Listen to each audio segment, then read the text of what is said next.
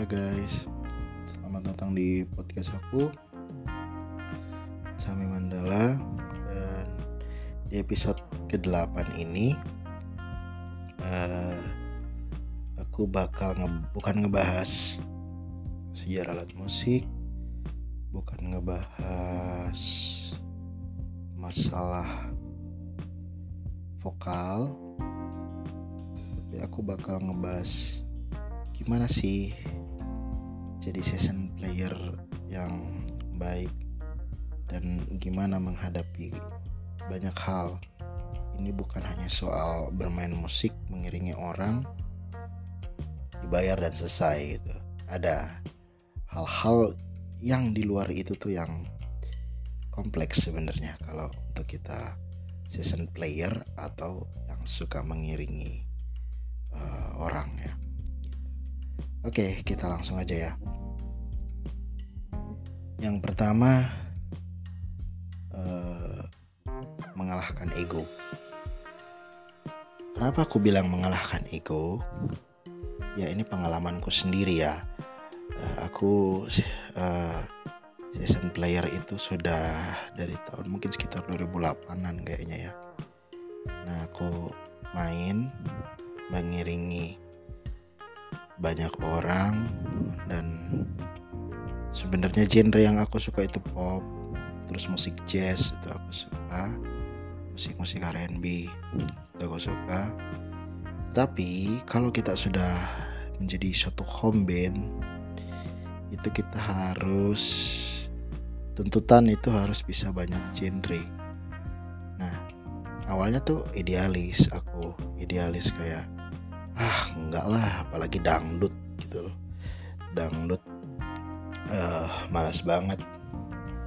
Cuman karena memang tuntutan akhirnya aku dengarkan juga dan mengalahkan ego itu. Dangdut terus uh, musik roncong pokoknya banyak lah. Ya lagu-lagu tahun 60-an lagu-lagu lawas gitu ya. Nah hikmah yang gue ambil itu bahwa musik kita jadi kaya. Uh, wawasan musik kita jadi kaya perbendaraan lagu kita banyak. Dari situlah. Nah gitu. Jadi kita sampai bisa ah ini singkup singkupnya dangdut nih. Oh ini jazz nih begini nih. Sampai udah kekulik sama kita gitu. Jadi kita bermain jazz bukan hanya sekedar bermain jazz tapi benar-benar bermain jazz karena memang tahu sampai ke dalam-dalamnya karena kita ngulik gitu loh teman-teman. Jadi itu pertama. Jadi tips aku mengalahkan ego. Kecuali kalian ada label kalian sudah punya ini sendiri ya jalur kalian sendiri. Tapi kalau untuk home band yang main di banyak tempat dan berganti-ganti penyanyi nah itu nggak bisa. Oke yang kedua uh, situasi tak terduga. Oke, situasi tak terduga. Waktu itu saya pernah punya pengalaman main di satu acara di satu tempat lah ya. Lagunya itu ada dua, kalau nggak salah ada dua dua lagu, dua atau tiga lagu isi mengiringi orang. Udah udah dikasih tahu listnya kita sudah ngulik juga. Udah sempat latihan. Dan di hari H eh, kita cek sound itu mungkin sekitar 2 jam 2 jam sebelumnya kalau nggak salah. Dapat cek sound waktu cek sound itu listnya tiga-tiganya berubah. Berubahnya pada saat itu juga ya. Dua jam lagi mau acara pas lagi cek sound. Jadi ya mau jadi pas kita mau cek sound tiba-tiba mas lagunya gini gini gini gini gini. Wah pusing lah kami kan anggota. Ya udah nggak apa-apa kita cek sound dulu. Dan untungnya untungnya ini tiga lagu yang dirubah itu untung kami hafal semua gitu. Jadi ya udah latihannya sekalian cek sound. Jadi ya yang di, di konsep studio itu nggak kepake gitu. Jadi mau nggak mau harus jadi gitu loh. Gitu. Jadi kenapa bisa hafal ya? Karena perbendaraan lagu yang banyak tadi itu. Itu jadi manfaatnya aku rasakan memang. Dan untung lagu-lagunya tuh aku tahu. Pas aku tahu juga dan teman-teman bandku juga tahu. Oke yang ketiga. Aku jadi session player belum punya alat sendiri.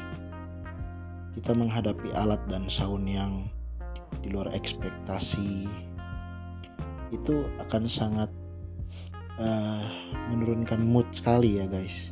Sangat-sangat itu berpengaruh sekali. Jadi waktu itu aku main aku kebetulan drummer juga dan pas aku main suara snare-nya tuh hancur soundnya juga parah banget. Padahal waktu cek soundnya bagus. Tiba-tiba pas naik panggung ada kesalahan. Entah operatornya atau gimana tapi ya uh, gimana ya mood emang udah jatuh ya. Tapi tetap berusaha profesional teman-teman. Makanya session player tuh lekat sekali dengan namanya uh, melawan ego dan mood yang naik turun itu karena di luar ekspektasi guys. Dan yang uh, terakhir ya attitude. Attitude itu perlu. Karena sejago-jagonya uh, kita main musik sedewa apa pun skill kita attitude kita dalam berelasi bermain sama uh, tim terus sama kru. Itu kalau kita attitude-nya nggak ada atau attitude-nya minus lah dikatakan. Susah guys. Dan itu akan ngefeknya panjang.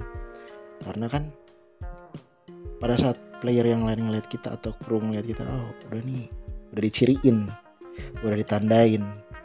Ke depannya kayak udah nggak dipakai udah nggak dipakai udah nggak dibawa udah nggak dibawa gitu loh. Jadi kayak udah diciriin gitu. Jadi jagalah attitude kalian saat kalian udah dipercaya untuk jadi season player. Dan jaga sikap jaga pokoknya jagalah gitu. Agar kepercayaan yang udah dikasih itu tuh bisa berlanjut terus. Gitu. Mungkin aku tambahin satu lagi deh ya yang terakhir itu adalah